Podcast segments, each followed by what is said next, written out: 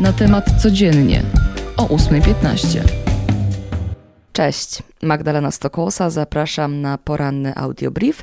Mamy wtorek, 20 grudnia. 300 dni. Dziś dokładnie mija 300 dni od wybuchu wojny w Ukrainie. Nie słabną rosyjskie ataki, zwłaszcza na wschodzie i na południu kraju, nie słabnie jednak wiara narodu ukraińskiego i apele o pomoc, by tę wojnę wygrać. Bo to kiedy się skończy, na razie nie wiadomo.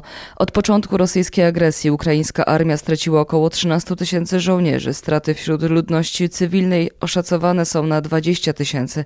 Z Ukrainy wyjechało 20% mieszkańców, 13 milionów jest na terenach terenach, gdzie niemal codziennie dochodzi do działań. A więcej o tym, co dzieje się na froncie, niemal każdego dnia piszemy na naszej stronie głównej. Polecam Wam tam zajrzeć.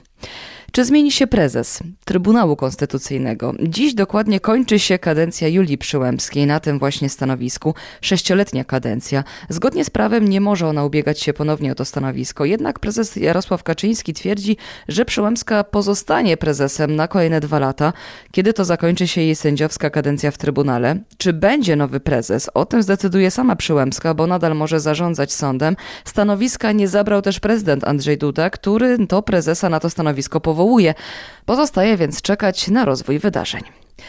W końcu w końcu można powiedzieć, jest porozumienie w sprawie limitu cen gazu. Ministrowie do spraw energii i klimatu krajów Unii Europejskiej uzgodnili w Brukseli górną granicę na poziomie 180 euro za megawattogodzinę.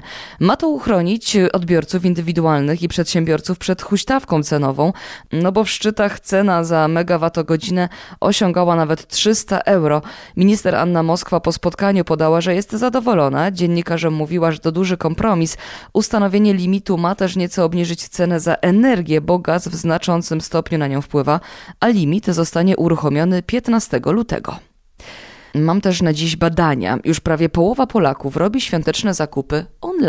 Sprawdził to Deloitte i wyszło, że 53% Polaków, myśląc o bożonarodzeniowych prezentach, myśli o tym, by wybrać się do sklepu czy galerii handlowej, ale już 47% wybiera sklepy internetowe.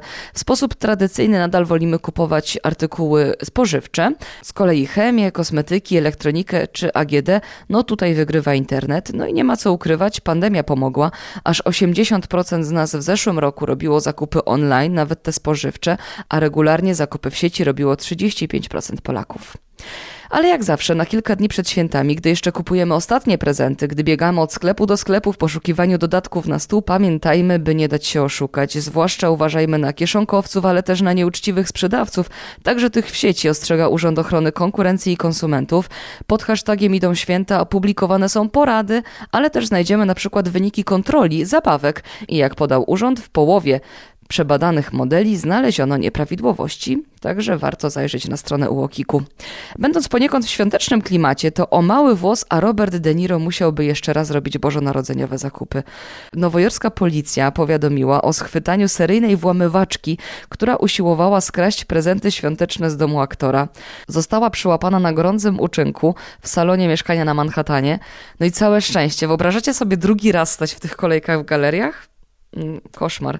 Na koniec, jak jesteśmy przy złodziejach, nie myślałam nigdy, że coś takiego powiem, to dziś w Dreźnie odbędzie się rozprawa w procesie podejrzanych o kradzież klejnotów z Drezeńskiego Muzeum. E, to zdarzenie miało miejsce dwa lata temu. Tutaj mamy też polski akcent, dlatego myślę, że warto o tym wspomnieć. Wśród klejnotów jest bowiem gwiazda Polskiego Orderu Orła Białego. No i też kolekcję założył pierwszy król Polski z saskiej dynastii Wettynów, czyli August II Mocny. No ale wracając już do tej sprawy, co ciekawe, po tych zabytkach nie ma śladu E, były one warte 113 milionów euro. To 21 sztuk biżuterii zawierającej 4300 diamentów. Złodziejom w 5 minut udało się opróżnić cały skarbiec. Przybyła 5 minut e, po tym zdarzeniu policja. No, nie miała już tam za wiele do roboty. Śledczy są przekonani, że za włamanie do skarbca są odpowiedzialni członkowie berlińskiego klanu. Cała szóstka podejrzanych przebywa w areszcie.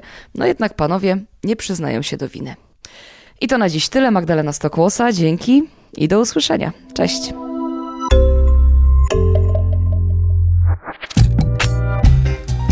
Na temat codziennie o 8.15.